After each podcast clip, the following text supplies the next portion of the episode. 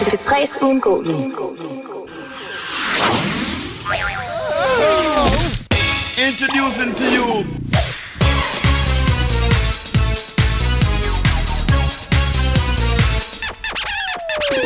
Så kunne vi ikke trække den længere. Katapult er bogstaveligt talt gået i luften. Yep, og vi er parate til at spænde dig godt og grundigt fast gennem musikkens univers. Vi har blandt andet dagens GT-hit Vi har sladderservice, og nyheder. så hæng med i de næste to timer. Jeg er Morten Resen. Og jeg er Michael Bernhardt.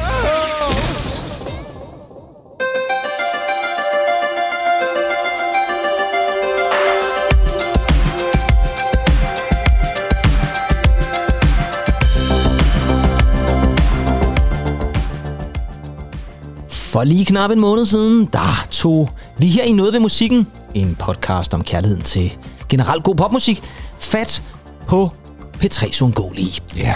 Og det gjorde vi jo egentlig fra årene 91 til 95. Mm-hmm. Og øh, det der med P3's uundgåelige, det var jo noget, vi snakker om dengang. Et nummer, som man lyttede rigtig meget til på P3 i en hel uge. Det var faktisk det mest spillede nummer i den uge på Fuldstændig. P3. Fuldstændig. Og vi valgte jo ligesom fem tracks hver, Ja. og øh, nu er det blevet tid til endnu en gang at tage fat i P3's Ungåelige. Men denne gang, der skal vi op til den sidste halvdel af 90'erne. Og det betyder altså, at vi skal kigge på P3's Ungåelige fra 96 til år 2000.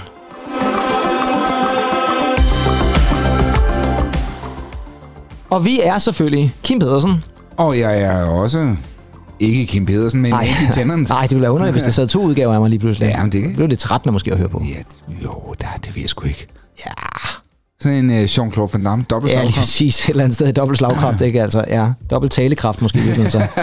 Ja. Nå, egentlig tænder det er godt at se dig. I lige måde, min dreng. Yes, og du er fit for fight til at tage fat endnu en gang i det her øh, Ja, det vil sige. segment her. Men altså, jeg savner godt nok forårets komme. Ja, det kan jeg godt forstå. Ja, det gør jeg altså. Ja, man må sige, vi, vi tog lige hul på et par dage, ja. Ja. som var pæne, og så skal jeg da ellers love for, at der har været vind og Jeg sne. sidder, sidder Og... stadig i støvler og flis her, ikke? Ja, det er frygteligt. Ja. Vi kan kigge ud af vinduet lige fra, hvor jeg sidder, du sidder som med ryggen til, men, men Ja. det, det er pænt Ja, ja, ja, blå ja, himmel ja, og så videre, ikke? Men, øh, men koldt. Koldt. Så måske musik over 96, eller hvad, hvad siger du? Ja, altså det skal vi jo, nu skal vi ikke afsløre for meget allerede til at starte med. Men jeg synes faktisk, at øh, når man kigger listerne igennem, så er der øh, masser af spændende ting og sager. Og øh, det er jo altså, præmissen er jo, at vi vælger fem tracks ja. hver især, som alle har været P3's uundgåelige. Ja.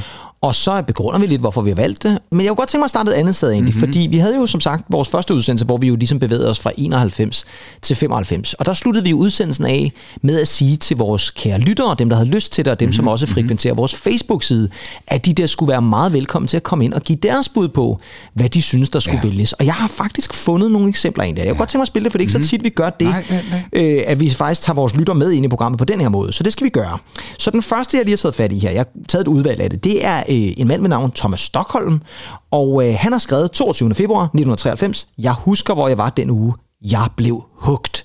Og det, som Thomas så blev hugt på, det er et nummer af en amerikansk gruppe, der hedder Jellyfish. Ja, dem, dem kender jeg godt. Ja, de havde nemlig øh, P3's Ungåelige den 22. februar 1993, og det var det nummer, der hed The Ghost at Number One. Mm. Og jeg vil da i den grad også sige, når jeg lytter til sådan et nummer som det der, at det er jo rene Andy Tennant catnip. Altså det er virkelig ja, Ja, noget, som, øh, som du vil øh, holde rigtig meget af. Ja. Så vi skal selvfølgelig høre en lille bit smule af Thomas' valg her, og så øh, tænker jeg også, at du jo så lige om et øjeblik også øh, kan måske huske, hvorfor det er, jeg lige tænker, at det her det er lige noget for dig egentlig.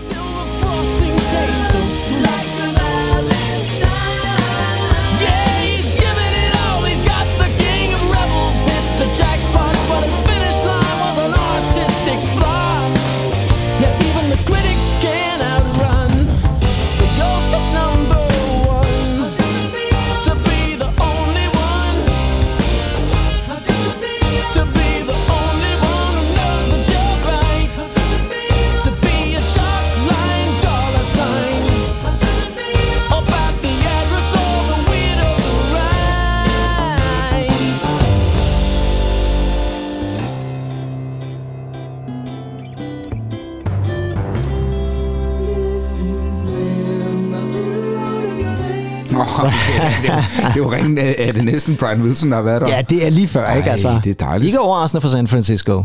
Ej, nej, der er meget Sa- San Francisco skår det. Ja, det var det. Og den her harpsichore, Ja, øh, ja som kommer også her til sidst. Ja, skønt. Ja, lækkert, ikke? er super, super fedt. Ja, ja. Hvorfor var den ikke på din top 5 egentlig? Jamen, det forstår jeg heller ikke. Nej, men det er i hvert fald et godt valg for Thomas. Ja, Øh, det var Jellyfish fantastisk. Tak, Thomas. Ja, det er dejligt lige at få den med. Mm-hmm. Så har vi Peter Kjær Jensen. som øh, faktisk fremhæver et helt år, nemlig 1992. Han skriver, 92 var bare et vanvittigt musikår, mm. og det er jo fuldstændig rigtigt. Det var rigtig meget godt for det år.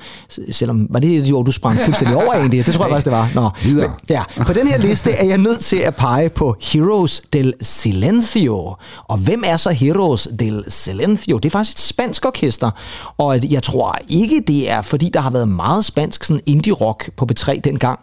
Men øh, der var altså det her, og det var nummeret, der hed Entre dos Tierras, som altså var ugens uundgåelige i 92. Mm-hmm. Og øh, altså, det er super, super fedt det her her. Øh, det lyder, hvis man skulle øh, have glemt det, eller aldrig nogensinde lyttet til det, sådan her.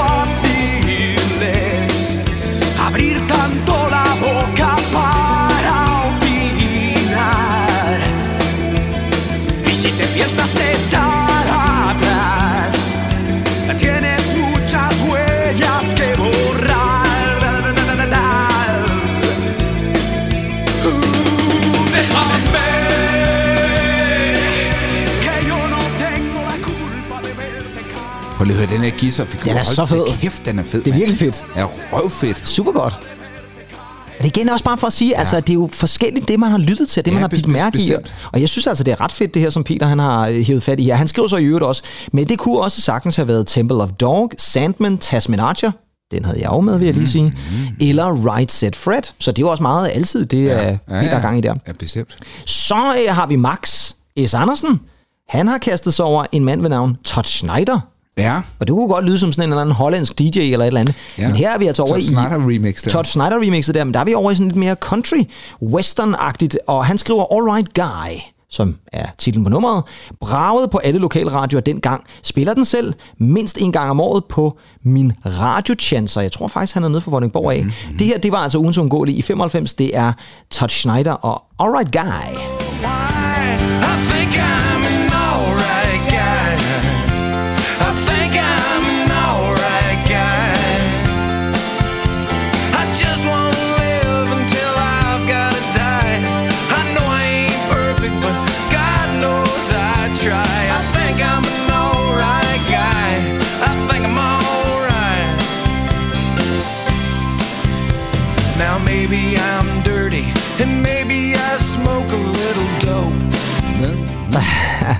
Du sagde Vordingborg. Altså ikke kunstneren her fra Nej, nej. Vordingborg, men Max er fra Vordingborg. Altså ham, der er yndet, du godt kunne lide nummeret. Ja, fordi øh, når jeg hører Todd Snyder, så tænker jeg faktisk også en sommeraften i uge 28, Vordingborg Festuge. Ja, Jamen, det, Kunne du- kunne du det, ikke forestille det, dig kunne man sagtens forestille sig ham på scenen dernede. Ja, ja. Spille All Right Guy der. Ja, mens ja. der er tumult op på ruintegnet op. muligvis, ja. og fadet, der flyver Fadøl, luften. der flyver gennem luften, ja. ja. Men øh, et rigtig fint nummer her fra øh, Todd Schneider. Så har vi vores kære venner på Ghost to Eleven. Gå lige ind og lyt til den. De skriver 8. maj 1995, norske Weld. Ja, tror, det udtales sådan. Weld med Crown Imperial Song. Og så skriver de øh, som øh, forklaring, vanvittig vokal og fed 90'er indie med mesterligt omkvæd.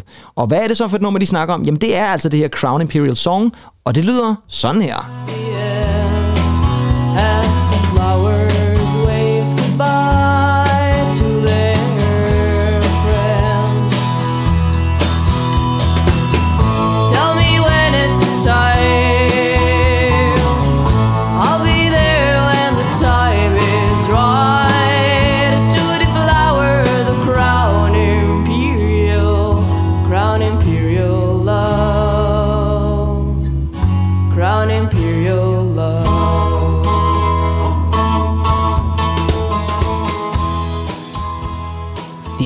90'er ind, det der, det må man sige. Helt helt vildt, mand.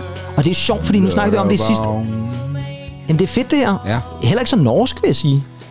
Det vil jeg ikke have gættet på, umiddelbart.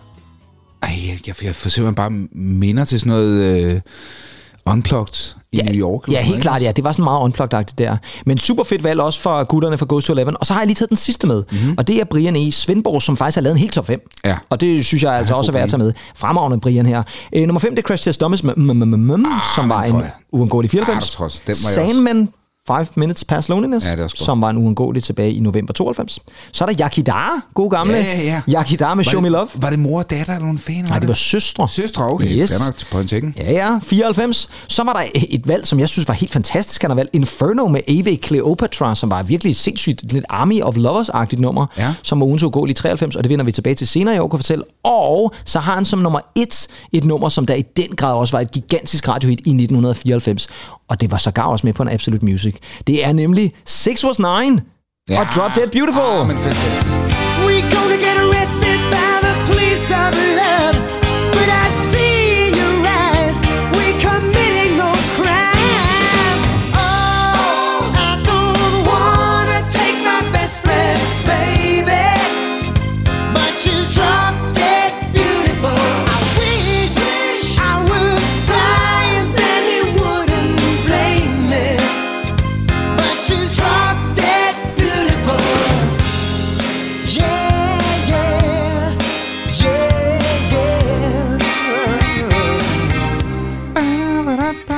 Helt fejl egentlig, hvis jeg siger, at du har danset lidt til det her nummer i... Det har jeg. Jeg kan også huske min, min fætter og jeg sad og hørte det op på et, på et drengeværelse. Nå, Eller ja, ja. teenageværelse. har det været. Teenageværelse har det nok været her der i 94. Det er altså et nummer, som øh, man jo også husker med glæde. Helt vildt. Ja. Og så, så prøv lige at lytte til den rigtige 90'er stryg, der kommer det der staccato i. Ja, ja. Ja, ja, det er fedt. det- De var fra Tyskland, Tyskland, faktisk. ja, lige præcis. Hvilket måske er lidt overraskende i virkeligheden, fordi det her måske igen er sådan lidt lyden af noget mere amerikansk i virkeligheden. Ikke? Men øh, selv tyskerne kunne lyde amerikanske. Ja, bestemt. Ja. Jeg kan godt lide banenavnet Six Was Nine. Det er meget godt, ja. ja det er sådan lidt en omvendt øh, Ja, og- 10 små cyklister, eller der bare bliver flere af dem, eller et eller andet. Gik fra 6 til 9 eller et eller andet måske. Ja. Nå, vi skal også i gang med øh, de, de nyere numre, kan man sige. Men Ja. ja. inden vi rent faktisk vælger at kaste os ud i, hvad vi har valgt den her gang, så kunne jeg godt tænke mig lige at sætte scenen for P3 anno 96 til 2000, fordi mm. der sker virkelig rigtig meget med P3 i den her periode. Man skal huske på, at fra 91 til 95, der er vi jo meget i rockens tegn, og det kunne man måske også høre på blandt andet nogle af de ting, som vores kære lyttere havde valgt, men også noget af det, vi havde valgt. Altså, det er meget den her lidt indie-rock-genre, som fylder rigtig meget. Ja. Og det er det måske så især også i programmerne. Men i øh, 96 og frem efter, der begynder der altså så også at komme en masse rigtig, rigtig spændende på P3. Vi startede jo faktisk med et lille sample fra programmet Katapult, som var i 1999, og vi havde jo de to første værter, der var på det program, nemlig Michael Bernhardt og ikke mindst Morten Resen, Ja. som jo så var efterfølgende jo faktisk fik en kæmpe tv-karriere, stadigvæk har det i virkeligheden. Jo. Og, og som er nærmest er på alder med os, ikke? Jo, det tror jeg faktisk, han er. Og så kan man sige, Michael Bernhardt er jo så efterfølgende vendt tilbage til B3. Jeg ved faktisk ja. ikke, om han er der lige i øjeblikket, men han var der i hvert fald på et par år tilbage.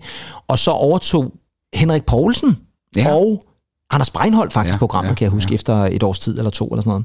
Det var et stort program i hvert fald. Vi havde stadigvæk maskinen, Ja, som på det her tidspunkt vel er blevet overtaget, tror jeg, af, hvad hedder han, Carsten Holm? ja. Ja, det, jeg tror ikke, det er Alex Nyborg, der længere Nej, er på det program. nej, Øh, så er der tæskeholdet selvfølgelig, det kan vi heller ikke komme udenom. Det kommer jo også der som øh, efterårsferie vikar for straks, tror jeg ja. det er. Ja, det er rigtigt. Og så ender det med at blive en fast feature hver fredag om formiddagen, og vi lyttede til det skolen, det tror jeg også, vi har snakket om, ja. Mere satire i virkeligheden i form af Gramsespektrum, som også var populært der i den samme periode.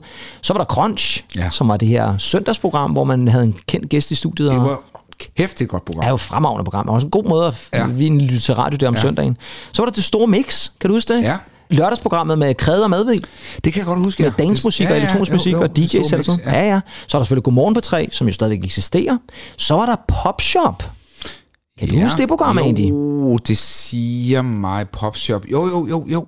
De stiftede jo faktisk det, som i dag også stadigvæk er P3-prisen, men som dengang hed Popshop-prisen. Mm-hmm. Det var inden de startede. Ja, helt med at kalde noget andet. hvem der var vært. Jo, det kan jeg godt huske. Det var Peter Solak og Jan Poulsen. Og øh, de startede programmet der i, jeg tror, der har været 96 eller 97, og jeg lyttede til det hver eneste. Ja, det blev sendt kl. 18 hver dag, og de spillede altid det nyeste musik og de nyeste single Ved- noget. ved du Det var hvad, fremragende, det program. jeg, jeg ved ikke, om jeg sidder lyver dig op i ansigtet her, Ja, det kan det godt være. Du slet ikke kan huske det. sad jeg ikke. Jamen, jeg, det er bare navnet, jeg synes, det jeg kan huske. Så var der selvfølgelig checklisten, Andrew Jensen, og det var jo den lytterbestemte hitliste. Men jeg har altså faktisk også valgt at tage et par nedslag med af programmer. Og det første, vi lige skal have fat i, det er en anden lytterbestemt hitliste. Og det er et program, som jeg tror rigtig mange af vores lyttere, og sandsynligvis også mange af dem, der ikke lytter til vores program, og de hører så selvfølgelig slet ikke det her, jeg siger lige nu, men øh, sådan er det. det elektriske barometer. Ja, Det, det er jo en liste, som starter helt tilbage. Jeg tror, det er sådan noget 85, 86 eller sådan noget lignende, og et program, der starter helt der tilbage. Lyttede du til det egentlig? Det elektriske barometer lytter jeg ikke sådan til lige Nej. 90'erne, vil Nej. jeg sige. Nej, du kommer Øh, først på senere så. Jeg kommer på lidt senere, ja. Ja. Sådan start af nullerne. Ja, fordi det er jo et program, som jo, jeg tror rigtig mange har til fælles, fordi det er jo det her lidt undergrund, det er indie. Og jeg har fundet et klip her fra det elektriske barometer anno 1996 cirka ved skyde på.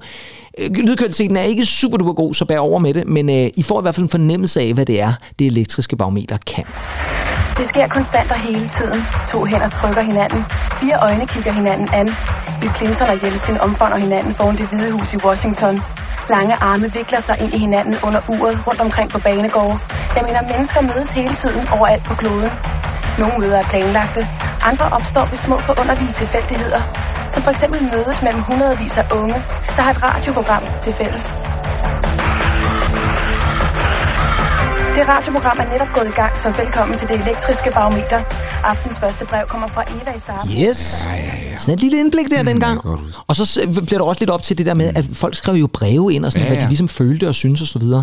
Og jeg synes altså, jeg lyttede til det i hvert fald i 90'erne, og jeg kan huske, at jeg var meget fascineret af, at man jo spillede jo noget musik, som jo- man jo så ikke spillede i de andre programmer Nej, på lige 3. præcis. Og det vil sige, at der er rigtig mange kunstnere, faktisk også nogle af de kunstnere, som har været uundgåelige i den periode, vi skal kigge på i denne her udsendelse, som jo faktisk blev spillet for første gang i det elektriske barometer. Mm-hmm. For eksempel en kunstner som Mew, Ja. de fik faktisk deres første afspillinger rigtigt, der i, i ja. sådan et program som det, og det er der en masse andre, der gjorde også. Half the world is watching me, you. Jeg tror faktisk, vi er helt tilbage i Triumph for Man, faktisk. det er jo selvfølgelig rigtigt. Helt der tilbage ja, til jer. Ja. Og et andet program, der faktisk var tilknyttet det elektriske barometer, det var en del af det elektriske barometer, det vil sige, det kom typisk lige før det elektriske barometer. Det var det program, der hed Tværs. Og det var jo det program, hvor unge mennesker kunne ringe ind, og så fik de fat i Tine Bryl. ja. Og hun var der om nogen fantastisk. fuldstændig fantastisk til at forklare, hvor skabet skulle stå, og også lytte til de unge mennesker. Og jeg har taget et klip med, Ja. hvor at en ung person ringer ind, og øh, måske øh, ja, ikke er helt blevet helt voksen endnu, og Trine Bryl, der snakker om, at øh, nu må han altså snart tage sig sammen, men også, at det jo selvfølgelig er en stor opgave. Jamen altså, du, du er fyldt 18 år, kammerat. Nu skal du, det du skal først og fremmest lære, det er at blive voksen. Og det er det, din far vil respektere, det er, at du tør stille dig op og se dig selv i øjnene og sige, jeg er ved at blive voksen. Det har taget længere tid, fordi jeg simpelthen har fået i hoved og røv, og det har ikke hjulpet mig. Nu skal jeg selv til at tage den hårde vej. Og det er benhårdt, når man skal starte så sent med at blive, at blive løsrevet fra sine forældre. Det er det. Det er jeg enig med dig i. Ej, Ej, den stemme der. Ja, ja, fantastisk. Jeg savner så meget Tine Bryl. Jeg, jeg savner ja. faktisk lidt sådan nogle programmer der. Det var Ja. fantastisk ja. at lytte til. Jeg kan huske, at det var så... Det var også før med masser af monopolet, det jeg Jeg, vil jeg kan sige. godt huske det faktisk fra 90'erne, men jeg, jeg, det lyttede jeg faktisk rigtig meget til. Ja. Men også op igennem... Øh, Op igennem nullerne. nu- nullerne. Ja, jamen, det blev jo ved længe. Jeg kan huske de der søndagsøverne, Ja, ja, det havde præcis. nede i Vordingborg. Ja, Så kørte de hjem. yes. Så havde Carsten Holm i radioen sammen Ja. med Tine Pul der. Ja, han kom nemlig ind over det også. Ja. Øh, Tine Bull var jo, øh, var jo fantastisk til at rådgive de her unge. Ja.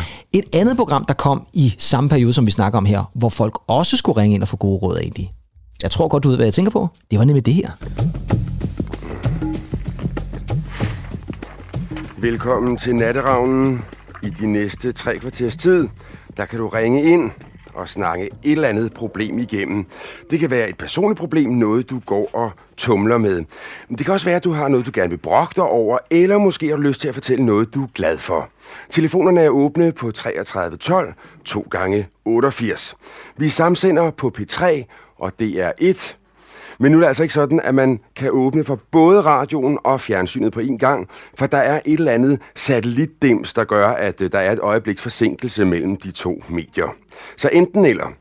Vi befinder os nu i Radiohusets tårn, højt hævet over byen, og man kan fornemme, at landet er ved at gå til ro, i hvert fald de fleste rundt om i landet. der så Okay, kommer ud i, ikke? netop. Gitte, vi har hørt, hvad du har at sige. Tak fordi du ringede. Ja. Ha' det godt. Ja, lige måde. Hej, hej. Ej, Lars Klinger. Åh, oh, dejligt at slinger det er. Og han fik altså suget nogle smøger derinde. Det skal jeg sat med lov for, og hvis man var i tvivl, så kunne man jo bare stille over på DR1, fordi ja. Ja. de sendte det jo så, de startede ikke med at sende det på den måde, men, men så lige pludselig blev det så populært, at man faktisk også transmitterede det i fjernsynet. Jeg kunne også huske sådan kameraet. Ja. Det bevægede sig sådan dejligt roligt. Ja, det var meget roligt, der. og så ved jeg, Ja. jamen, det var jo ikke noget bedre end det at sidde kl. Nej. 23.15 der, og så slå over på Natteravn, og så det var den måde, man gik i seng på, lige at lytte til, hvad han sad og... og Også han, selvom du skulle op dagen efter? Ja, ja, ja, ja. Jeg lyttede altid, og jeg så det faktisk også ja. i fjernsynet også, Ja. typisk. Ja, men det, jeg var meget vild med Ja, Natteravn. det det var en skønt. vigtig bestanddel af min Ja, søndag. det- ja. Ja. Og, og øh, så kan jeg jo så huske, det kan det jo man også gå ind og se, men Martin Brygman har virkelig lavet en sjov parodi på det. Ja, det må man nok sige. Ja, hold da fast her. Den blev nærmest mere ikonisk end Natteravn, ja. Præcis, på en eller anden måde, ja. Hvor, hvor enten du er. Ja, hvor enten du er. Så er der et program, som jeg også lige er nødt til at se med, og det er simpelthen fordi, de på sin vis nærmest eksisterer stadigvæk. Godt nok i en lille bitte smule anden konstellation, men jeg er faktisk overrasket over, hvor meget det her klip rent faktisk stadigvæk kunne være noget, man kunne lytte til, hvis man slår over på P4. Og jeg mener det om lørdagen. Fordi der lyder det nemlig typisk sådan her. Både Nikolaj og mig har været i gang med at hisse hinanden op her før anden time af Funkshowets absolute højdepunkt. Konkurrencen så får Run DMC og Grandmaster Flash til at genoverveje deres karriere med henblik på comeback. Her har jeres egen Funkshowets rap-konkurrence.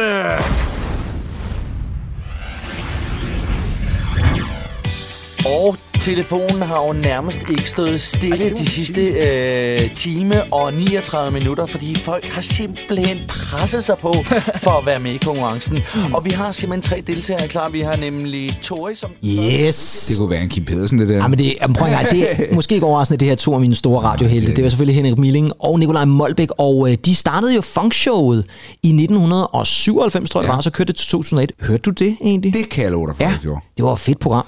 Og især når jeg også stod på tankstationen, men Ja, lige det med tankstationen, det kommer vi tilbage Ja, til. det kommer vi tilbage til. Det var godt at høre. Jeg vil sige det sådan, det her er jo et program, som man faktisk nærmest kan slå over på P4. Der hedder det bare Funk nu, men det er ja. Stadigvæk Henrik Milling, og det er Ja, stadigvæk. Nikolaj Molbæk, jo. og de er lige så øh, fantastiske at lytte til. Fuldstændig. Så, øh, så det er virkelig fedt, at de stadigvæk gør sådan noget. Så skal vi selvfølgelig også have et program med, som jo var formiddagsprogram med, man skulle lytte til, og det var der i rigtig mange år. Det var selvfølgelig straks. Og det, som straks kunne, det var jo, at det var lidt humoristisk, det var sådan lidt øh, god musik, og så var det jo også altid det der med, at man godt kunne nogle gange finde på at drille nogle andre. Og jeg har faktisk taget et klip med, jeg ved ikke, om du kan huske det, men der var jo en periode, hvor The Voice begyndte at blive rigtig populær i folkemunden. Og så øh, var det jo ligesom, de skulle prøve at drille P3 lidt, og så lavede de faktisk på et tidspunkt en slags konkurrence, var det vel egentlig, hvor at hvis man kunne komme igennem på P3, mm-hmm. helst i straks, for det var et af Danmarks mest lyttede programmer, mm. og så sige live i radioen, mens man var igennem på straks, at Danmarks fedeste radiostation, det var The Voice. Så ville The Voice betale en 2.000 kroner. Og vores allesammens vidunderlige Nils Christian Lang, han fanger den, og så vender de den på hovedet, og så gør de det her. Fra nu af, der gælder det ganske simpelt om at ringe ind til straks så hurtigt som overhovedet muligt på 33 12 2 gange 88. Altså 33 12 2 gange 88. Vi kører fra nu af og det næste kvarter frem. Værsgo at ringe ind på 33 12 2 gange 88 og tjen 2.000 hurtige kroner. Det er ikke fup, det her det er simpelthen den bedste fidus, vi overhovedet kan komme igennem med. Værsgo Lars, du er på. Hej, det er Lars. Voice det er simpelthen number one, og øh, det ligger på 104,7. Hej så længe. Hej så længe, du har tjent 2.000 kroner. Værsgo, den næste lytter. Hvad vil du sige? Ja, det er Henrik. Jeg vil bare sige, at Voice det er Danmarks hitradio nummer 1, og det ligger på 104,9. Yes, og du har tjent 2.000 kroner. Ja, det er dejligt. Ja, fint med dig. Jeg elsker det simpelthen. Ja, genialt. Jeg synes, det er så fantastisk, at de siger, nej, okay, men fint nok, hvis The Voice vil det der. Hvis de gerne vil betale en masse penge, så gør vi det. Ja. Så er det helt kvarter. Der er der simpelthen bare folk, der ringer ind, og, de, og, og The Voice er bare nødt til at klikke ud Ja, med det- 2.000 hver det er gang. det det er altså sjovt fundet på. Det synes jeg virkelig genialt. Og så Håber igen... jeg, det de har gjort. Ja, det håber jeg altså også, de har gjort. Og så er det bare dejligt. Niels Christian Lang. Ja. Fantastisk radiovært. Vidunderlig stemme, ikke? Ja, jeg tror, han læser øh, øh, nyheder faktisk. Det er ja, ja. ja stadigvæk øh, på øh, sådan noget P- P4 i hvert fald. Ja, ja. Vi skal lige have den sidste med os, og det mm, tror jeg måske, vi var blevet lidt for gamle til på det her tidspunkt. Men det var jo ikke øh, nødvendigvis ens betydende med, at det ikke blev sendt i radioen. Fordi det var sådan så, at øh, hver morgen kl. 6.50, også sagt på en anden måde, 10.7, der kunne man lytte til de her to gutter. Ja. Godmorgen, Christian. Godmorgen, Rasmus. Bum, bum, bum, bum. Nej, vi er ellers allerede godt i gang med en ny måned, kan jeg lige se på muskalenderen, hva'? Ja, Ja, den hedder Mus. Øh, hov. Men, nej. jeg mener selvfølgelig marts. ja. Og den kan både give os mere vinter, eller måske lidt forår. Hvem ved? Ja, nu må vi se. Er det jo nærmest en Nostradamus-agtige forudsigelser, som Christian Windhem og Rasmus Radiomus, de er ude i, at marts kan være både kold og varm og alt muligt. Lidt ligesom det er lige i øjeblikket. Ja, ej, men Altså, jeg må bare sige, når jeg søger Rasmus Radio, så til at tænke på, på tæskeholdet. Ja, det gør, det gør man jo lidt. Igen lidt ligesom det samme med Martin Brygman, ikke? Altså, man husker nærmest tæskeholdets... Det er som mus. Ja, lige, ja, men det var det et eller andet med, at de kom op og skændes en gang, men så slog de ikke radio eller musestemmen fra fra uh, Henrik, Hans Henrik uh, Bernsen der. Ja, ja. Man kan sige, jeg synes faktisk, jeg kan huske, at jeg lyttede altid til Rasmus Radio. Ja, Måske gør ikke i også, det gør jeg 96, også. men i hvert fald, da jeg var yngre. Gjorde du det også Ja, i ja, 96 tosset- stadig? tosset jo, jo. Nå, okay. Alligevel, ja. Jo. Nå, men det var også bare lige for at sætte scenen. Det er altså her, P3 er i perioden, vi skal dække. Og nu ja, skal vi ikke udskyde længere, Andy. Nu har vi spillet lytterhits, og vi har spillet øh, radioprogrammer. Nu skal vi spille vores egne valg, Andy Tennant. tak. og vi gør det jo sådan, så at vi tager et nummer hver, og vi skulle gerne have det i kronologisk, sådan nogenlunde rækkefølge. Så det tidligste nummer. Men øh, sidste gang, der snakkede du jo om, at du havde valgt sådan lidt mere personlige kriterier. Mm. Hvor, er det det samme den her gang? Jeg har skrevet fem kunstnere Ja. På bagsiden af den her lukkede kuvert. Ja, den ser sådan lidt krøllet ud der, ja. Den har du haft i lommen, tror jeg. Det har jeg i hvert fald. Men øh, jeg vil lægge ud med... Øh, Ja, husk det kronologisk, Andy. Vi starter med den tidligste. det gør vi. Godt. Og, så vi starter med 1996. Ja, det er godt at se, du tager fat. Sidste gang, der boykottede du de to første år, 91 og 92. Ja. Og øh, du kan jo nærmest regne ud, hvad, hvad jeg vil tage fat i. Øh, ja, altså jeg ved jo, der har, du har et nummer, som du er til har nævnt i hvert fald. Det kunne godt være det. Jeg kan se, det står på min liste i hvert fald. Nå, gør det det? Ja, ja. Men det første, hvis vi godt går månedsvis kronologisk frem, så er det jo faktisk den 22. april 1996. Mm. Vi skal en tur til Wales. Ja. Vi skal en tur til Manic Street Preachers. Yes. Her er de jo bare en trio, fordi øh, Ja, der har de mistet et medlem jo. de er simpelthen mistet Richie Valens, hvad jeg vil sige. Richie. Ja, der er, nærmest- måske har de råbt på samme måde som i La Bamba der. Richie! Richie! Ja, jeg tror, han egentlig bare forsvandt et Ja, eller andet det- sted ude i bjergene. Ja, men det kan jo være, at de så råbte efter ham derude måske. Ja, det kan godt være. De valisiske bjerge der. Ja. ja. Ja, måske. Ja. Øhm, er det Sign for Life? Ja. Og hvorfor lige det nummer egentlig? Fordi Var du jeg- bevidst om det også dengang? Ja, det kan jeg love dig for, jeg Ja. var. Og især, altså nu snakker vi om radio og, mm. og så videre, men jeg så rigtig meget fjernsyn på det her tidspunkt. Ja. Altså, så jeg nærmest fik firkantede øjne, ikke? Ja, okay. Hvor jeg kan huske den her video til, at Design for Life tonede frem på MTV, og så den igen og igen. Det var råspillet jo simpelthen, Ja, ikke? ja. Fantastisk nummer, og der øh, jeg holdt især meget af sådan rytmen i det, ikke? Mm. Du, du, du, da, da, du, Ja, det er sådan... og den der da, da, da, da, 1, 2, 3, 4, 5, ja. 6, 1, 2, Ja, 3, det er fremragende. Øhm, og så gitaren. Mhm. Mm-hmm. Altså, skønt, skønt nummer, og hele progressionen. Jeg elsker omkvædet og verset, og øhm, jamen, den, den er skøn. Og derfor skal vi selvfølgelig også lytte til Manic Street Preachers, og det nummer, som du har valgt, som var fra hvad? April 96? April 96. Lige præcis. Manic Street Preachers og A Design for Life.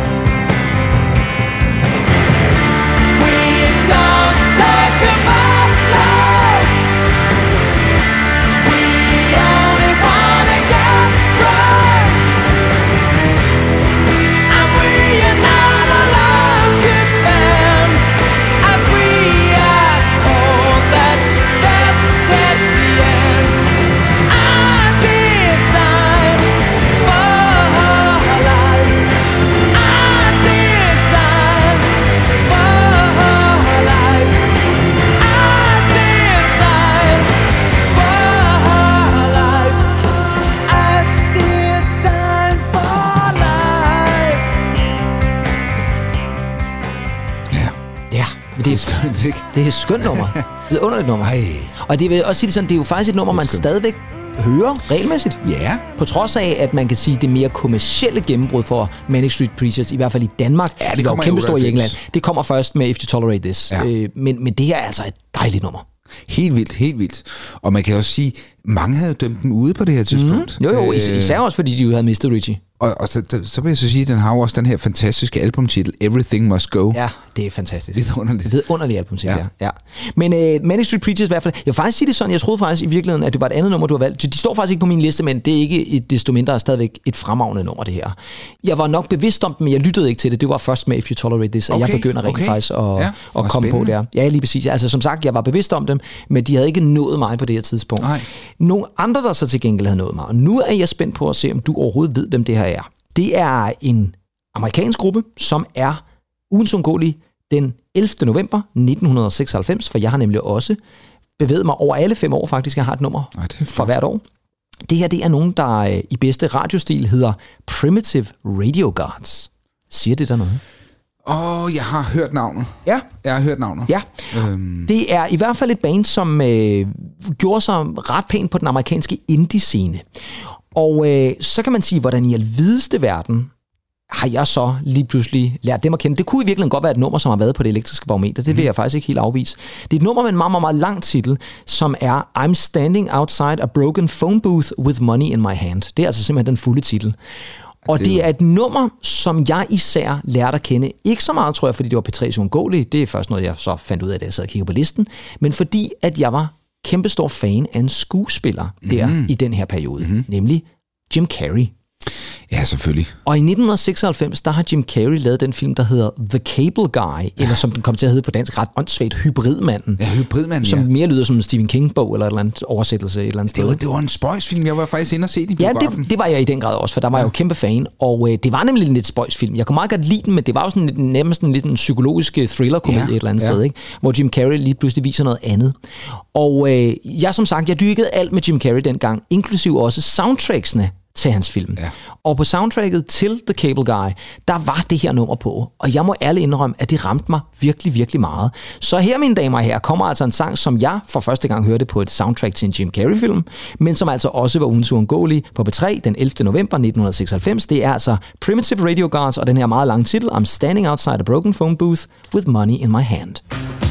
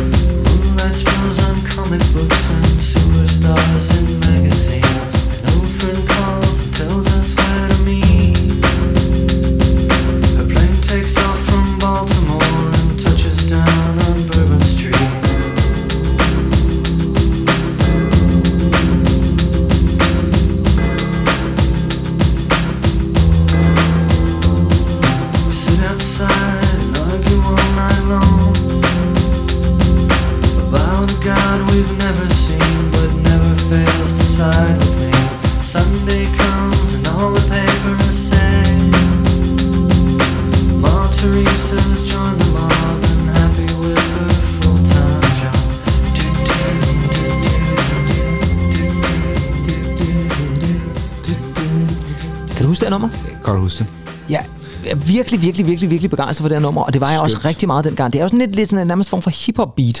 Og så er der det her indie-rock, som på en eller anden måde bare fanger en. Og så det her lidt underlige sample, som jeg også hørte i starten, som er taget fra et gammelt B.B. King-nummer fra 1964. Jeg skulle lige Som lyder som sådan en præst eller et eller andet, der prædiker eller sådan noget. Ja, og, og ved du hvad, det var sgu ikke har en del år siden, der udgav, jeg kan ikke huske, hvilket Bruce Springsteen-album det var, mm. men det lød som om, den her start, den også bliver brugt i et Springsteen-nummer, som Det kan om han samplede det. Ja. Det er fuldstændig det samme nærmest.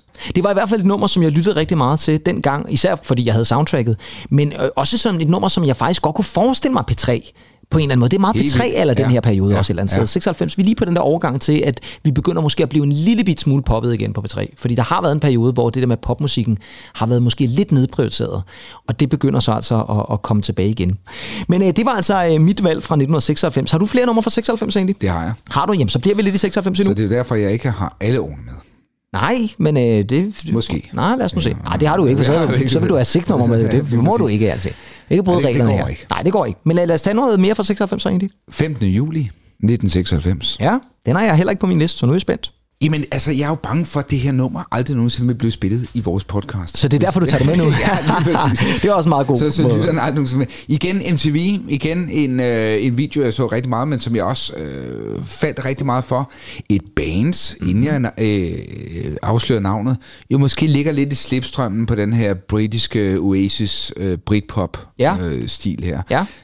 Et band, som alligevel ikke nåede sådan stor kæmpe succes efterfølgende og blev legendariske som, som de andre store Britpop bands.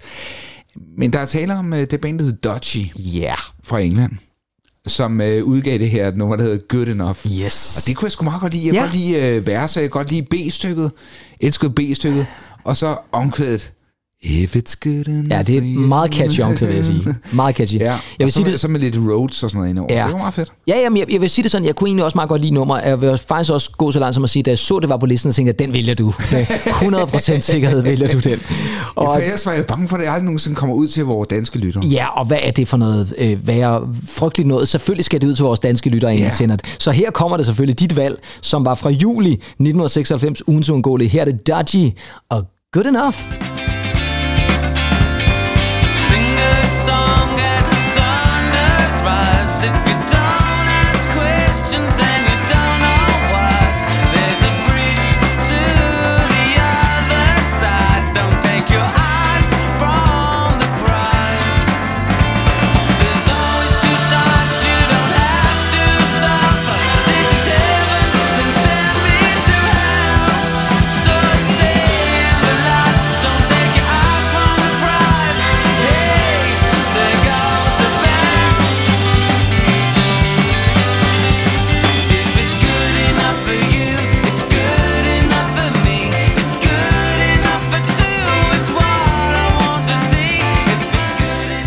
Så kan du godt høre...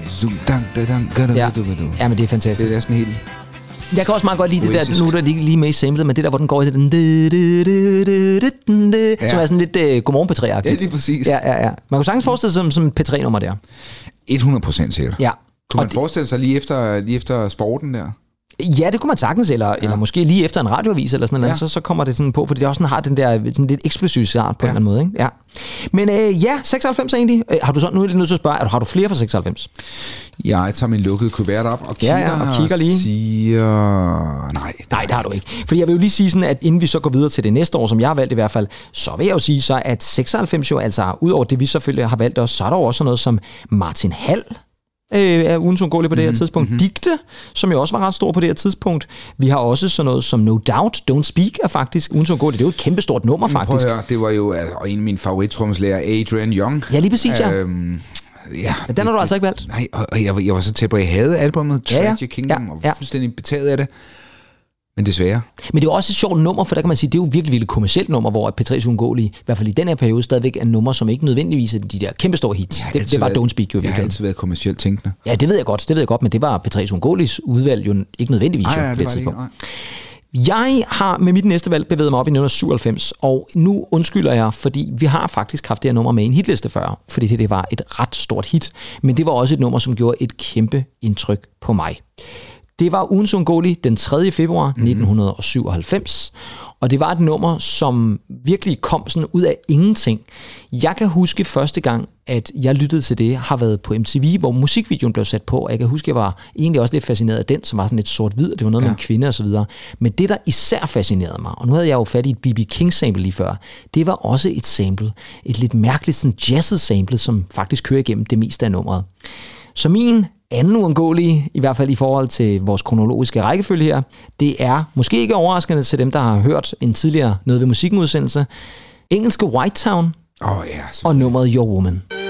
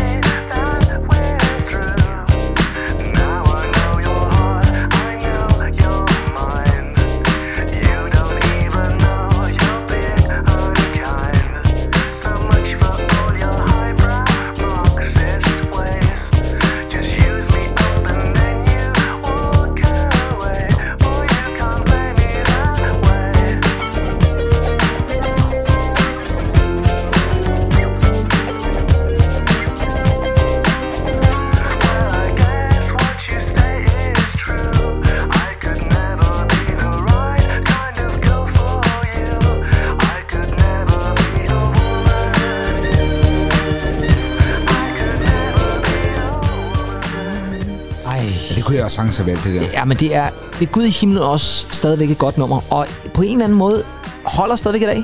Helt vildt. Du kunne godt have udgivet det der i, i dag, og så havde det stadigvæk været et hit, tror jeg.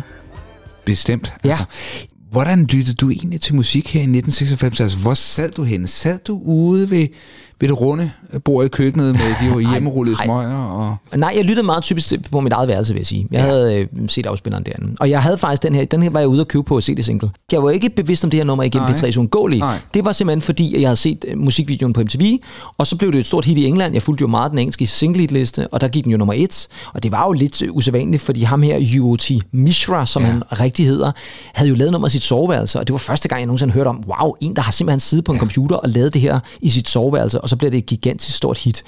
Det var jo sådan set lidt en one-hit wonder, for der var ikke andre hits Nej. fra White Town. Men øh, jo, det lyttede jeg meget til på mit værelse, og jeg kan ikke huske, at det har været ugens ungåeligt på P3, men det overrasker mig ikke, fordi det, som sagt, det var et nummer, du slet ikke kunne komme udenom. Mm. Og det var også et nummer, som kom, som sagt, ud af absolut ingenting. Der var ingen, der havde set det her komme, om man så må sige. Så, øh, så det var et virkelig, virkelig stort hit, og selvfølgelig skulle det med. Det var faktisk muligvis af alle de numre, jeg har valgt på min liste, de fem numre, der var det det nummer, som jeg var mest sikker på skulle med. Altså jeg var slet ikke i tvivl om, mm. at det her det var nødt Ja. ja. til at komme med. Fordi det er et nummer, som stadigvæk den dag i dag er et super fedt nummer. Ja, det, det er 100, 100 procent det her, ja. og det er så fedt at have bygget nummeret op omkring det her gamle 20'er-sample her. ikke? Ja, det er faktisk fra 30'erne. Ja, fra Det er 30'erne. sådan et, et, et gammelt jazz-sample. Jeg kan faktisk Ja. ja. ikke huske, hvad han hedder, men jeg kan i hvert fald huske, at nummeret hedder My Woman. Ja, ja, så det er ja. sådan ligesom en, en re- referering af det på en eller anden måde et eller andet sted. Jeg tror, han hedder, han hedder noget med... Åh, hvad, jeg tror, han hedder Liv Stone eller sådan noget lignende. Ja, Ja, men, og ja. så et eller andet andet Magic Band eller sådan noget lignende, som havde det her sample, jazz-sample ja. her fra 30'erne, som det så er samlet fra. Andy, dit tredje valg? Noget, jeg også står ved, det var, at øh, jeg kom på efterskolen 1997. Ja, så nu er vi 97. Nu er vi 97. Yes. Og øh, det er jo et år, der i den grad øh, gør mig til den, jeg er i dag. Og så kan jeg næsten også regne ud, så er vi over på den anden side af 97. Så er vi i august måned, eller hvad? Nej, det er vi ikke helt. Så du er ikke kommet på efterskolen Jeg er ikke, men jeg er tilmeldt, og jeg har kommet igennem Du er tilmeldt. Du har underskrevet papirerne, det er der. Underskrevet papirerne. Ja, sådan. Han var typisk skrevet op meget lang tid før, men det Jo, var du så jo, ikke, eller ja, hvad? Du faxede det dagen før, eller hvad? Ja, det, var, det, var, Det var seminaret, ja. Det var seminaret, det. Ja, ja. Nede for kronen der. Ja, præcis, ja. Nej, nej, men man var til selvfølgelig noget godkendelsessamtaler. Hvor, hvordan ser han ud? Og, Ja, ja. Kan du ride på en hest og alt det der? ja. Hvor, måles og vejes. Ja, ja, alle sådan ting. Det var nærmest en form for session i virkeligheden. Fuldstændig. Ja. Som, som jeg ikke klarer. Nej, så du så ikke klar. Nej, det, var, det gjorde jeg så øvrigt heller ikke. Nej, det gjorde heller ikke. Nej. Ej, det var forskrækkeligt. Ja, det er frygteligt. Med os. Jamen, vi har også været forfærdelige soldater, tænker jeg. Ja, det har været farligt for alle, tror jeg. Men der sker noget i juli 1997. Ja. Med vores engelske venner. I... Du, er- du er meget, det er mig, der plejer at være engelsk, Andy. Du er helt vild. Du er helt engelsk i den her, hvad foregår der? Jamen, det engelske kontinent i 90'erne. Ja, fremragende. Fuldstændig vanvittigt. Jeg elsker det. Ja. Men vi skal altså over til Richard Ashcroft. Vi skal over til The Verve. Vi skal over til den sang, der hedder Bittersweet Symphony. Jamen, lad os da bare tage den her så.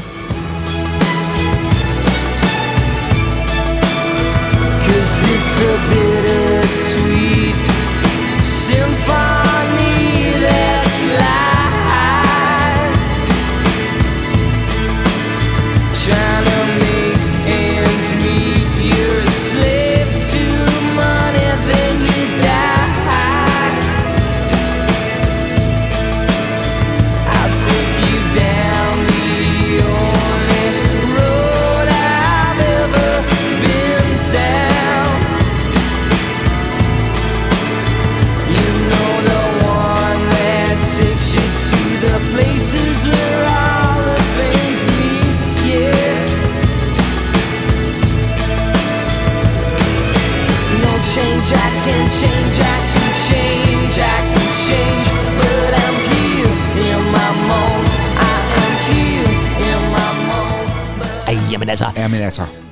kunne man ikke komme udenom på det tidspunkt heller. Urban Hymns. Urban Hymns, som var et fremragende album. Fuldstændig, og jeg kan huske, da de så kommer ud ud med The The Drugstone Work, ja. ja, ja, ja. Jamen, ja. det, det, det, det var jo... Man er jo følelsernes vold. Det øh, var man, altså jeg var jo vogndreng ude i Bilka på det tidspunkt, og jeg Ja. ja. gik og scrollede den for mig selv, kan jeg huske. med, med vognene, altså The Drugstone Work. I en, en, kold, en kold tid ude ved Bilka der, Det var frygteligt, var, du kunne, var det noget med, at du ikke kunne styre det vogntog der i Men det var også, man kørte jo rundt med sådan en, en 20-25 vogne eller sådan. Det var ret voldsomt, ikke? Altså, men øh, jeg vil sige det sådan, jeg var jo heller ikke verdens mest muskuløse fyr. Heller dengang, vil jeg sige. Nej, og men, du øh, fik ingen, ingen, ingen piller til at hjælpe dig Nej, der var The Drugs Didn't Work dengang i hvert fald.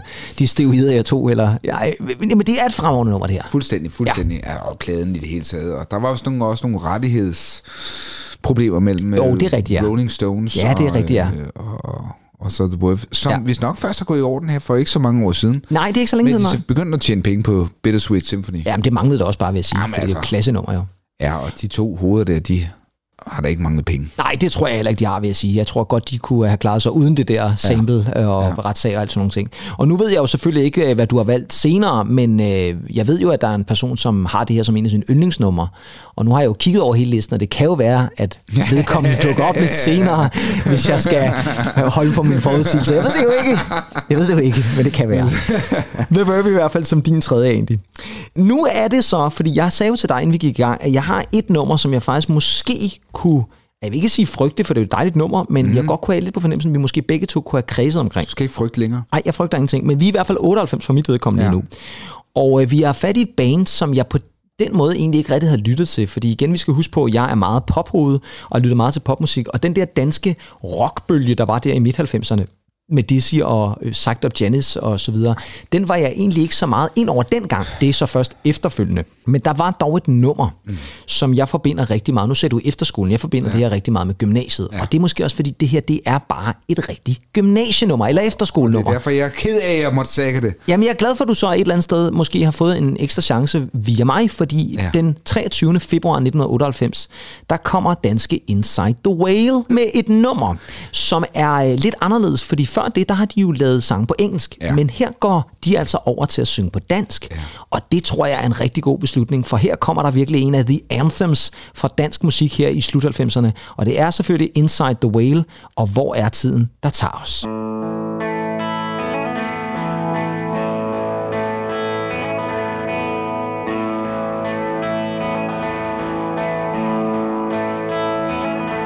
Jeg druknede i jorden, da jeg sagde. Nu, der er ikke et eneste tilbage. Små se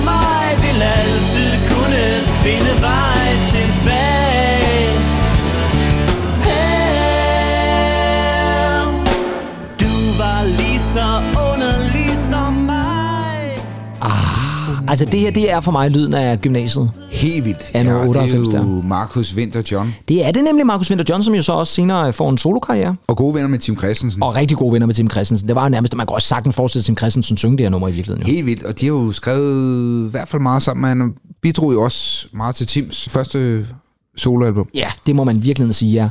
Og så er det jo lidt interessant også, at de jo faktisk for nylig har annonceret, at de nu er blevet gendannet Inside the Whale og tager og laver en jubilæumskoncert, fordi det er nu den 3. marts, 25 år siden, at de udsendte det her album, hvor mm det her nummer også er på, det hedder Rebeller uden sag. Ja. Og det udkommer faktisk på sådan en jubilæumsvinyl. Så hvis man gerne vil ud og have det her nummer og nogle af de andre gode Inside the Whale numre, så kan man altså gå ud og købe det på vinyl snart. Ah, det er skønt. Ja, det er fremragende, synes jeg også et eller andet sted. Og fedt et eller andet sted, at de har fundet sammen igen og tænker, at vi skal da lige ud og, og spille en koncert. Ja, og det er jo dejligt med de her anniversary tours. Jeg kan, jeg kan sgu godt lide dem. Jamen det kan jeg vi ja. Gud i himlen også. Jeg synes, det er fedt, når, når bandsen ligesom kommer ind. Også fordi der er jo stadigvæk et publikum, Ja. ja. som kan huske tilbage på den Ja, tid. ja, ja, ja.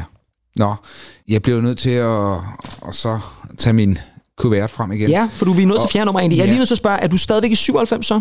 Nej. Du har bevæget dig længere op frem. Det er jeg- bare fordi, jeg vil gerne lige, inden at vi så forlader 97, nu jeg ved jeg godt, jeg var så allerede hoppet over til 98, men det er bare lige for at, lige at sige, at der jo også var andre numre end det, vi valgte i 97. For eksempel, så øh, kan jeg fortælle, og det var måske lidt overraskende, var, at Soap, altså danske Soap, This is how we party, det var simpelthen ugen tur gå lige i slutningen af 97. Det er jo ret vildt nummer. Var vi så langt tilbage? Ja, ja, ja. ja. Og, øh, og det De er bare for... forladt Lindbjergskolen så. Ja, det, ja, er du sindssygt, men de var, mens de var der, at de indspillede nummeret, kan jeg huske. Nå, Okay. Øh, fordi jeg kan huske, vi snakker om, at det der med, at de var gået i studie med Remy. Så det vil jeg da nok sige. Ja, tak. Og øh, det var også øh, et andet nummer, stort nummer fra 97, Mbop med Hanson. Det var også Ja. uundgåeligt. Ja, der er min kan- søster jo. Ja, det kunne jeg forestille mig, og min søster for den sags skyld Ja. også. Og jeg vil sige det sådan, øh, det er bare igen for at sige, at P3's Ungoli er lidt specielle numre, men der var altså også af og til nogle af de her numre, som bare var de store kommercielle hits. Ja.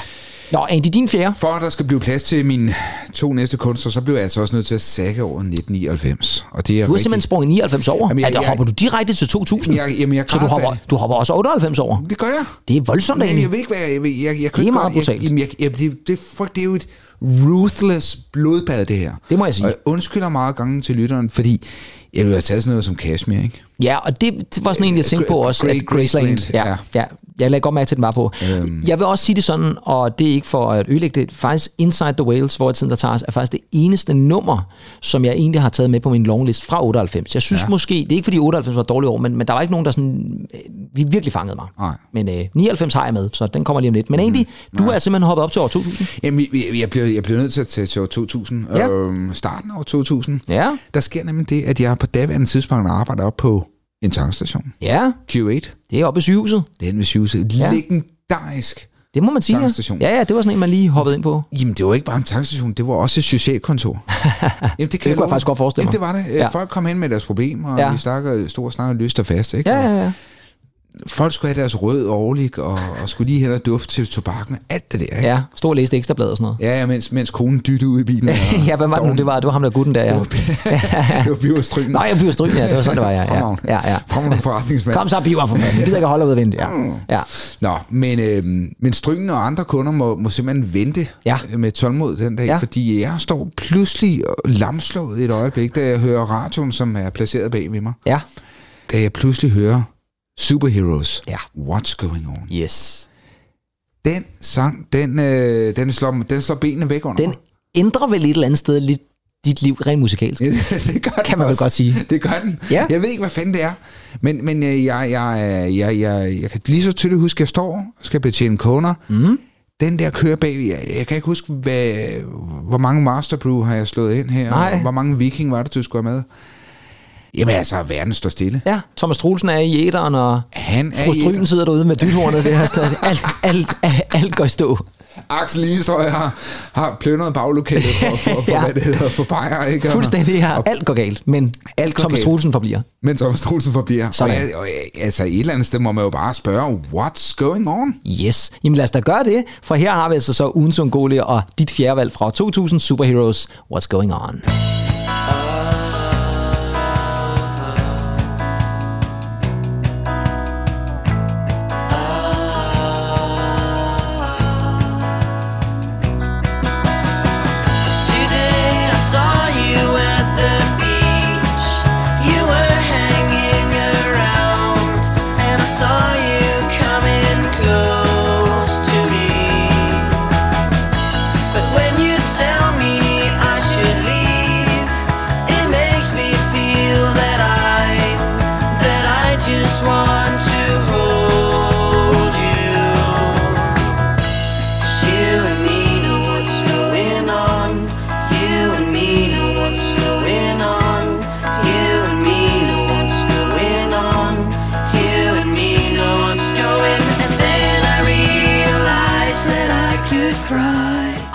Ah, det er dejligt. Ej, det er så smukt. Hvor gamle er de på det her tidspunkt? Ah, ikke gamle. Det. sådan start 20'erne eller sådan noget? Ja. ja. Ja, jeg tror sgu nærmest... Jeg I er stadigvæk teenager? Det skulle lige før. Altså, de, de, de er, ligger jo også på listen med uh, See You at the Railroads. Ja, når du ser listen, så tænker du på det elektriske barometer? Jeg tænker faktisk på B3-turen går de. Ja, okay, på den liste tænker du. Ja, og Johnny and I kommer Johnny også på. Ja, lige også, præcis. De, de er meget populære på det her tidspunkt. Jeg kan også huske faktisk, at der var nogenlunde samtidig, at jeg stødte på dem, fordi jeg kan huske meget tydeligt stadigvæk, at jeg lyttede, og det kan have været det elektriske barometer, men det kan altså også have været et andet P3-program, men lyttede til på P3, og så spiller de nummeret Ghost Ja, med Superheroes. fantastisk, Og der kan jeg også huske, at jeg tænkte, hvad er det? I believe I saw ghost. Fremragende nummer Ja, også et eller andet også sted. for Iglo. Også for Iglo, lige præcis. Så så jeg bliver ramt af dem på samme tidspunkt nogenlunde, ikke?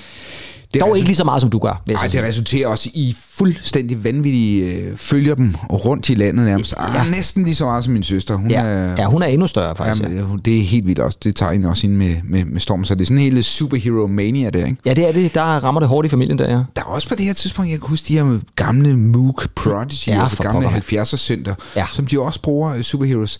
Jeg forelsker mig også en. Jeg må simpelthen køre til, ja, superheroes gamle by, Yes. nemlig Skive, Skive. Og øh, erhverve mig en. Ja. Det kan jeg faktisk godt huske, du en Jeg kan godt huske, jeg var godt huske, du kørte derovre. 47, Ja, jeg sige, ja. jeg havde sådan en roadtrip derovre, Ja. så jeg kan godt huske for at hente Mook, ja. Som jo så i virkeligheden jo har også betydet en vis del i vores Ja, ja. liv sammen et Og eller for. Space Rock og- Ja, for pokker der, ja. Men, øh, men super fedt, men Superheroes var altså også fantastiske, og, Ja, og, og man kan et eller andet sted godt lidt savne dem lidt nogle gange, synes jeg. Jeg savner faktisk Thomas Olsen. Ja, det gør jeg også. Det var ham, vi blev enige om. Han er ja. lidt forsvundet et eller andet Et sted. eller Ja. andet sted, hvor- Nede i Spanien, eller hvad pokker Ja, det var, han har flyttet til. Ja, hvor blev han af? Jeg har mit fjerde valg et nummer, som jeg faktisk ikke vil sige så meget om, fordi det har jeg faktisk gjort før i en af vores remix specials. Så igen en lille uforbeholden undskyldning, for jeg har faktisk spillet det her nummer før, og har faktisk også snakket om det en hel del. Det er fra øh, ugens ungåelige 15. februar 1999, ja. fordi jeg har nemlig fundet et nummer fra 99 af Indie og her har vi at gøre med endnu en dansk gruppe, en dansk remix-ensemble. Ej, de var producer, men blev også kendt for deres remix. Og det er selvfølgelig mm. Brother Brown, som jo altså får kickstartet en andens karriere, nemlig Marie Franks karriere, ja. fordi hun synger nemlig på det her nummer, ja. som selvfølgelig var et stort hit i 1999, og som jeg knus elskede. Og det er selvfølgelig, fordi det er Under the Water. can't breathe here anymore. It's been like that for a while. Everything seems strange to me. I feel like a newborn child.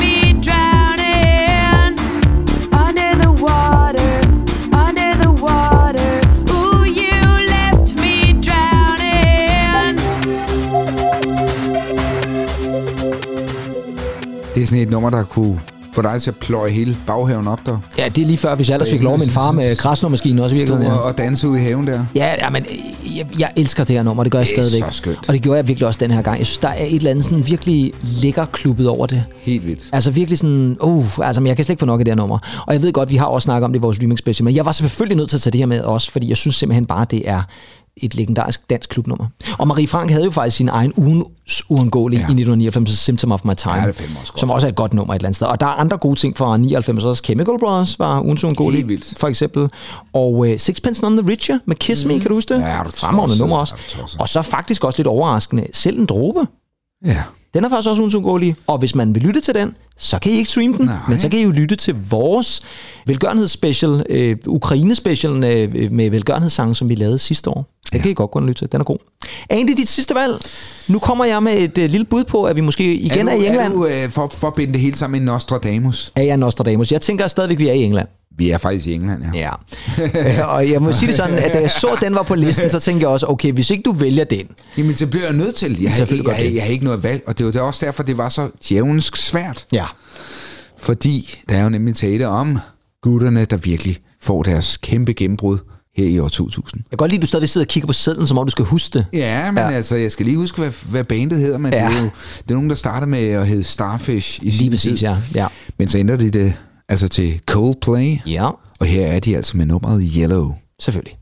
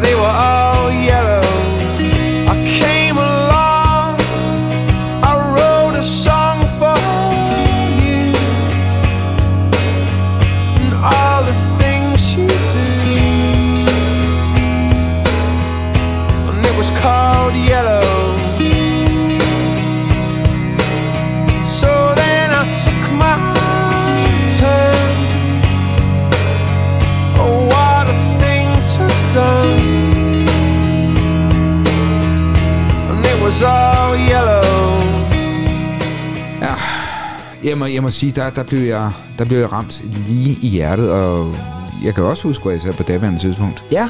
Nemlig at spise min havgryn med rosiner og mælk. Og det var så om morgenen, regne ud, om Eller har du sådan en lidt underlig natmadstradition der? Nej, med, Nej, det har du da ikke. Med, med, med, med Lars Klinger der. Med Lars Klinger og netrammen der. Jeg kan ikke høre, hvad du siger. Kan du ikke lige tykke om munden? Ja, ja, ja du, for du ringede også ind til ham. Det giver jo ingen mening. Han spillede jo ikke musik også. Nej, nej, overhovedet ikke. Nej. Ej, frygtelig sludder. Men, Frygtelig sludder, men, men, ja. men jeg hørte den om morgenen. Ja. Øh, Det har så måske været Godmorgen P3. det har været Godmorgen på 3, ja. Ja. Altså det der guitarriff til at starte med. Ja. Ding. Og det er som om, at altså, det, det er også noget, der er med til at, at, at gøre mig til den, jeg er i dag. Ja, men altså, det er jeg slet ikke i tvivl om. Ja. Og jeg vil også sige det sådan, at Yellow er jo et nummer, som jo stadigvæk den dag i dag også bliver betragtet som en af deres bedste numre. Ja. Men det er jo også et nummer, som virkelig præsenterer et eller andet sted lidt, hvad Coldplay står for. Også lydmæssigt dengang, Ja, synes fuld, jeg. fuldstændig. Jamen altså, det tidlige Coldplay, det er jo lige mig, ikke? Ja, ja, selvfølgelig, ja. Øhm, Ja, helt klart. ja. Jamen, Men- det, det er Men igen, uafrysteligt godt. Ja, og jeg ved ikke, om der er sådan ligefrem en Nostradamus over mig, eller om det bare var en selvfølgelighed, fordi selvfølgelig havde jeg på fornemmelsen, at du ville vælge Coldplay. selvfølgelig. selvfølgelig. Jeg har også valgt, som sagt, et nummer år 2000, og jeg har faktisk også haft skrevet Coldplay med Yellow på min liste, men jeg havde som sagt en rimelig sikker forventning om, at du jeg valgte det. Ja, så jeg har taget et andet nummer, som jeg også holder rigtig meget af, og det er et nummer, som faktisk øh, var ugens ungåeligt 28. august, altså dagen efter min fødselsdag, så det kan også have været en slags forsinket fødselsdagsgave. Der var der nemlig et svensk band, der udgav en sang, som jeg faktisk synes er intet mindre end en fuldstændig perfekt popsang. Mm-hmm. Og det var et nummer, som vi faktisk også lyttede rigtig meget til, Andy Tennant, ja. Året efter i 2001, da vi møder hinanden. Fordi der var det stadigvæk et band, som man lyttede rigtig meget til. Og som sagt, altså et svensk band. Og det er ikke kendt, det kunne man godt have troet. Men der var et andet band, som også dengang vandt mange priser i Sverige, og som i den grad fik et gigantisk radiohit med det her nummer. Og når I lytter til det, så håber jeg også, I kan forstå det. For der er selvfølgelig tale om The Ark Ja, præcis. og It Takes a Fool Ja. to Remain Sane.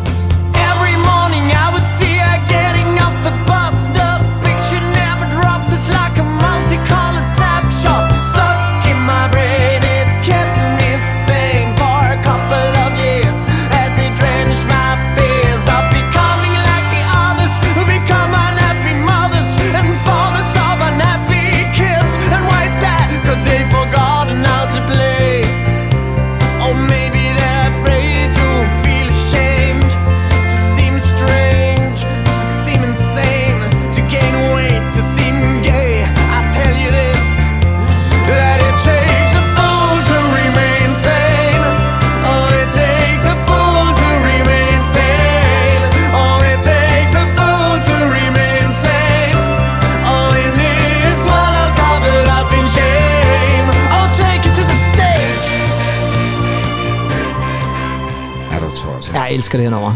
Det gør jeg virkelig, og det gør jeg stadig. Altså dig og så vores gode ven Jones. Ja, Han er fuldstændig også betaget det her. det er fandme også et godt det er nummer. et fantastisk nummer. Det er et fremragende ja, nummer. Det er lang tid siden, jeg har hørt det. men- Ja, og det er sådan et nummer, som øh, når man lige lytter til det igen, så tænker man, gud, hvor er det egentlig bare mm. godt. Og der er jo selvfølgelig stadigvæk den her lidt svenske lyd over det. Man kan godt høre, der er noget svensk over det. Men jeg synes faktisk også, der er rigtig meget international klasse over det her, som ja, svenskerne er gode til, men, men alligevel på en lidt anden måde ved det her nummer. De har jo lige været på noget genforening. Ja, det har de nemlig. Lige hvor, præcis. Hvor de havde danske prismer med som opvarmning. Det havde de nemlig, ja. ja. Så det er altså et band, der stadigvæk er aktiv, og jeg går ud fra, at de stadigvæk spiller det her nummer også. Det vil i hvert fald undre mig gevaldigt, hvis ikke de gjorde. Men egentlig, så er vi nået igennem fem år er yderligere. igennem, Jeg vil lige øvrigt øh, også sige, at jeg har altså en masse honorable Jamen, altså, mentions. Jamen, det, det er helt vildt. Altså, det, som jeg sagde, det er, det er blodbadet ved, ved, Det ved skal jeg da love for, ja. andet, ikke? Ja. Øhm, Jeg har for eksempel sådan noget som Sound Chen med He's on the Phone, fremragende popnummer. Ja. Jeg har også øh, faktisk Paprika Sten og Brygman, Brug dit hjerte som telefon. jamen, Dejligt dansk nummer. igen, ikke? Ja. Third Eye Blind med Semi Charmed Live, kan du huske den? Ja, jeg kan 100 procent. Ja, ja, ja, ja. Fremragende nummer. Jeg kunne altså også godt lide øh, det første album, som øh, Lars Sonne kom med på for, Ja. for DRD. Ja, det var- Everything Glows. Det var også godt, ja. Fantastisk ja. nummer ja. også, ikke? Lina Marlene, Unforgivable Sinner har jeg også med. Ja. Baz Luhrmann, Everybody's Free to Wear Sunscreen, Ja, det er der, hvor ja, han ligesom ja, ja. kommer med en masse gode råd. Ja. og Ja, så det har jeg det. selvfølgelig også taget Swan Lee og Tomorrow Never Dies. Den med. havde jeg også. Ja, det er et godt nummer også. Men øh, egentlig, jeg vil jo komme med endnu en anbefaling til vores kære lyttere. Gå ind og tjek listerne ud. De ligger altså som sagt inde på vores Facebook. Og så igen kunne det være sjovt at høre, hvad I tænker, mm. I vil have valgt. Om I laver en helt top 5, eller om I bare vælger nogle enkelte numre ud. Det bestemmer I selv. Men øh, hvis I gør, så lover vi, at lidt ligesom i denne her gang, så spiller vi altså nogle af jeres valg i starten det af den næste P3's uundgåelige special, vi laver. Og egentlig, der skal det jo handle om 2001 til 2005. Og der begynder vi godt nok at gå ind i nogle rigtig interessante P3-år. Ja. Og det er jo også der, hvor vi har lært hinanden at kende. Så nu begynder vi måske i virkeligheden at afspejle hinanden rigtig meget. Det program kommer i næste måned i april, så det må I lige vente lidt på. Men øh, vi er jo selvfølgelig tilbage igen i næste uge, og der handler det om afsnit 42.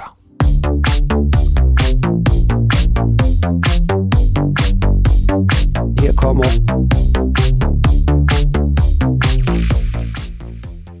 Og øh, indtil da, Andy Tennant, så øh, tænker jeg, at vores lytter må have det godt.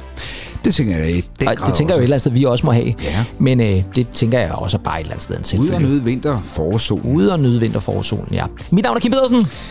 Jeg hedder som altid Andy Tennant. Og vi høres ved forhåbentlig igen i næste uge. Ha' det godt. Hej hej.